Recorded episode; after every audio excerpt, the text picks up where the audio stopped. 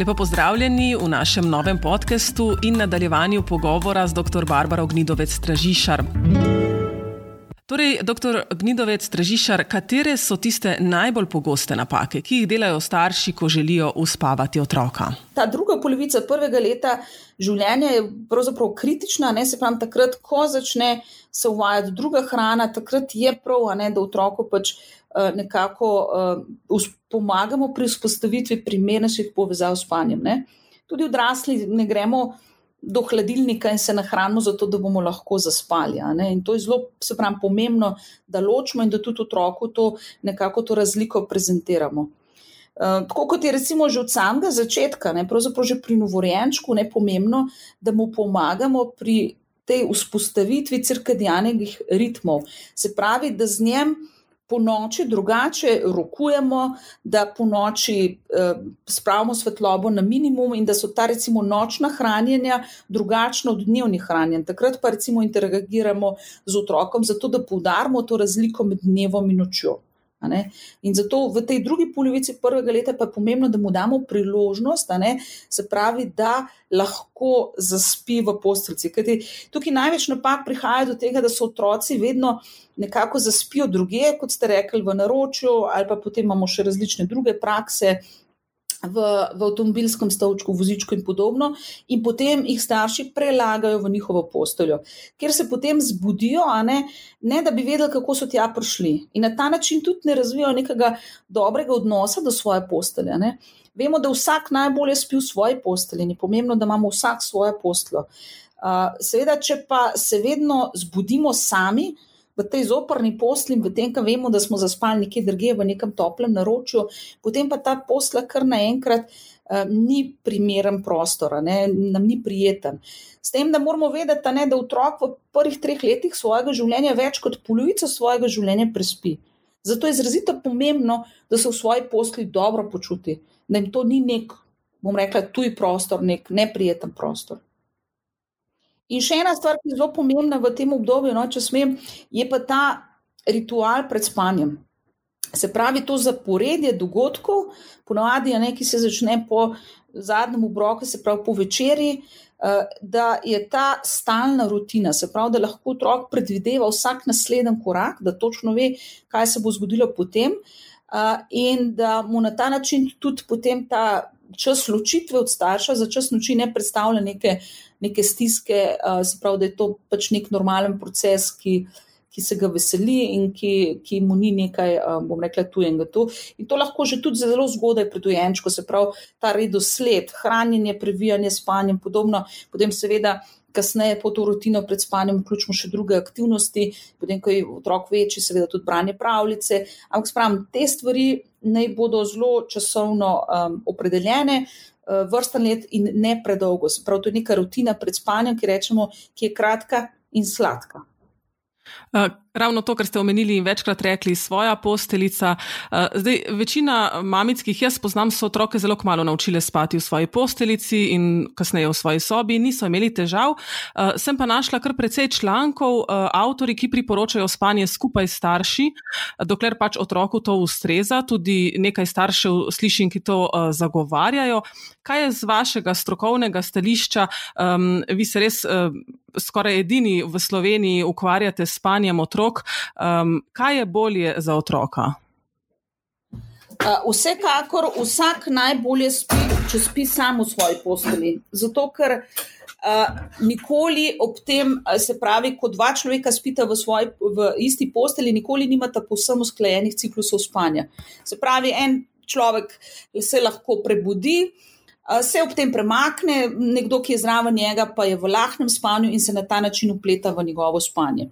Tudi kar stališča, recimo preprečevanja nenadne neprečakovane smrti dojenčkov, je Ameriška akademija za pediatrijo nekako odsvetuje spanje v skupni posteli, predvsem takrat, kadar so starši.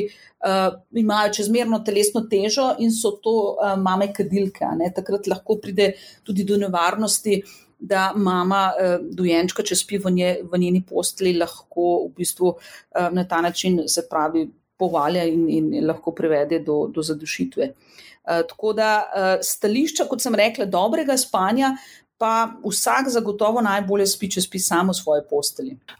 Nekaj ste že omenili, kako naj bo pripravljen otrokov prostor za spanje, se pravi, nobenih nekih motečih dejavnikov, da je soba prostor za igranje, za dojenje, pač pa prostor za spanje. Ne?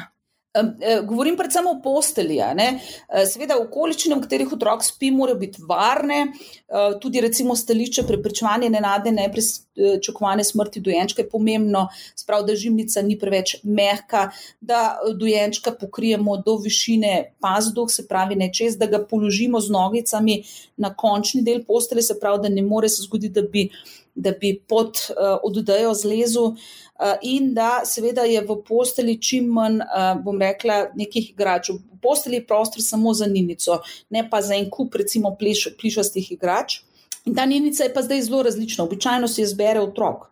Lahko je ta ninica dudica, recimo, kar je stališče, spet bom rekla, tukaj je še stališče nekoliko drugačno kot recimo stališče zobozdravnikov.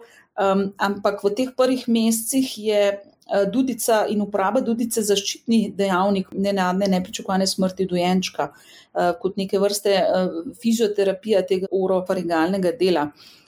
Dudica, spravim, stališče, če jo res otrok uporablja kot ninico, samo se pravi za način uspavanja, ni problematična v teh, se pravi, v obdobju dojenčka.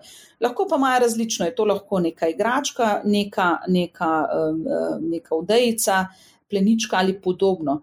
Res pa je, da večina otrok ima težave, ne, se pravi, predvsem uh, najpogosteje se pojavlja ta tako imenovana vedenska nespečnost na račun neustreznih povezav s spanjem, nimajo neke ninice, ne, ker v bistvu je tista njihova ninica pravzaprav oseba, ki mu pomaga pri spanju, bodi si z dotikanjem, bodi si s tem, da leži ob njem.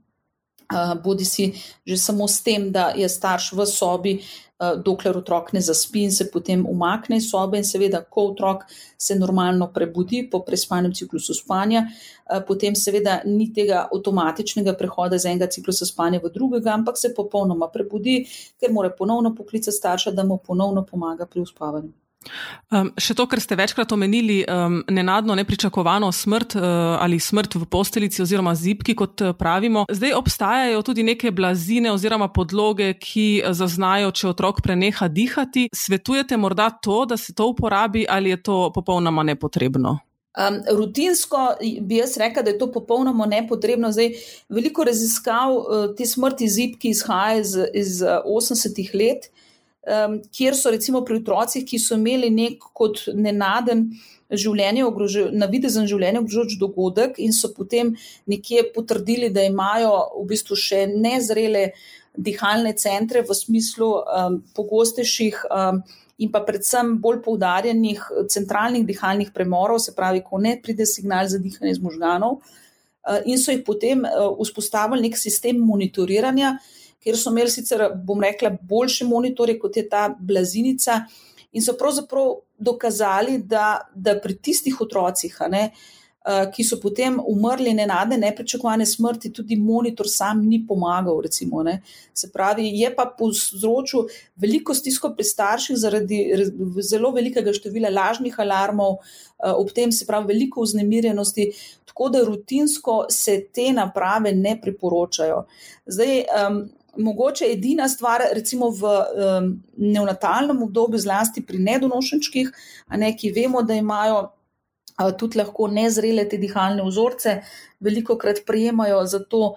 Uh, Zdravilo, kofein, se pravi, da jim poživi to dihanje, razen v, v pri teh, recimo, novorenčkih, ampak običajno jih s tem že upremijo v porodnišnicah. Tako da bi pa rutinsko priporočali, da si starši to nabavijo, pa seveda tega ni.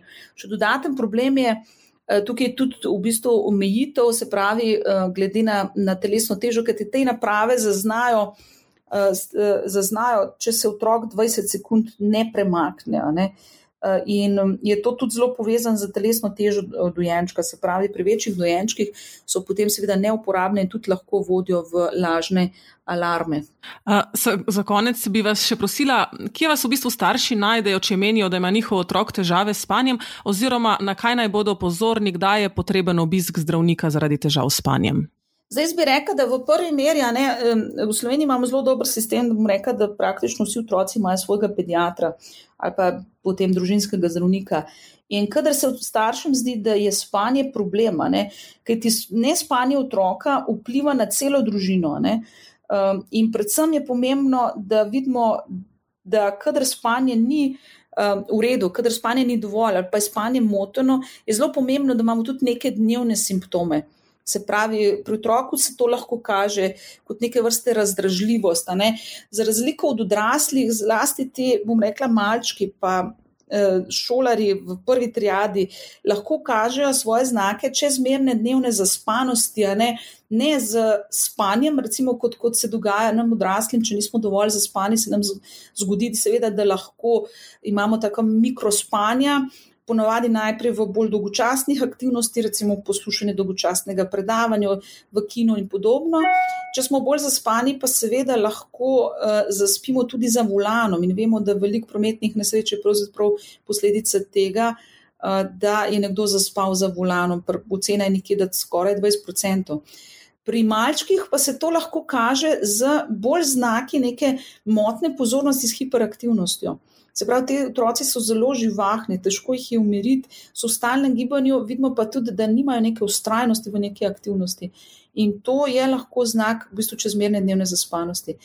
Potem, recimo, če vidimo pri šolarju, ne, da, da ne nadoma je začel kar spati po prihodu iz šole domov.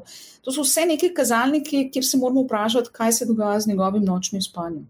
To je pomembno, da o tem spregovorimo uh, s svojim pediatrom, ki pa bo potem vedel, uh, Eh, tudi bodi si svetovati ali pa usmeriti naprej, kadar se pravi, gre za neke večje težave spanja. Zdaj, kar se tiče motne spanja otrok, imamo ambulanto za motne spanja otrok in mladostnikov eh, na otroškem oddelku splošne bolnišnice celje. Sicer pa uh, je možnost tudi obravnava v centru za motne spanja v Ljubljani, v diagnostičnem centru Mirjano. Eh, doktor Barbara Gnidovec Stražišar, eh, jaz se vam najlepše zahvaljujem za vse te koristne informacije in za čas, ki ste si ga vzeli za nas.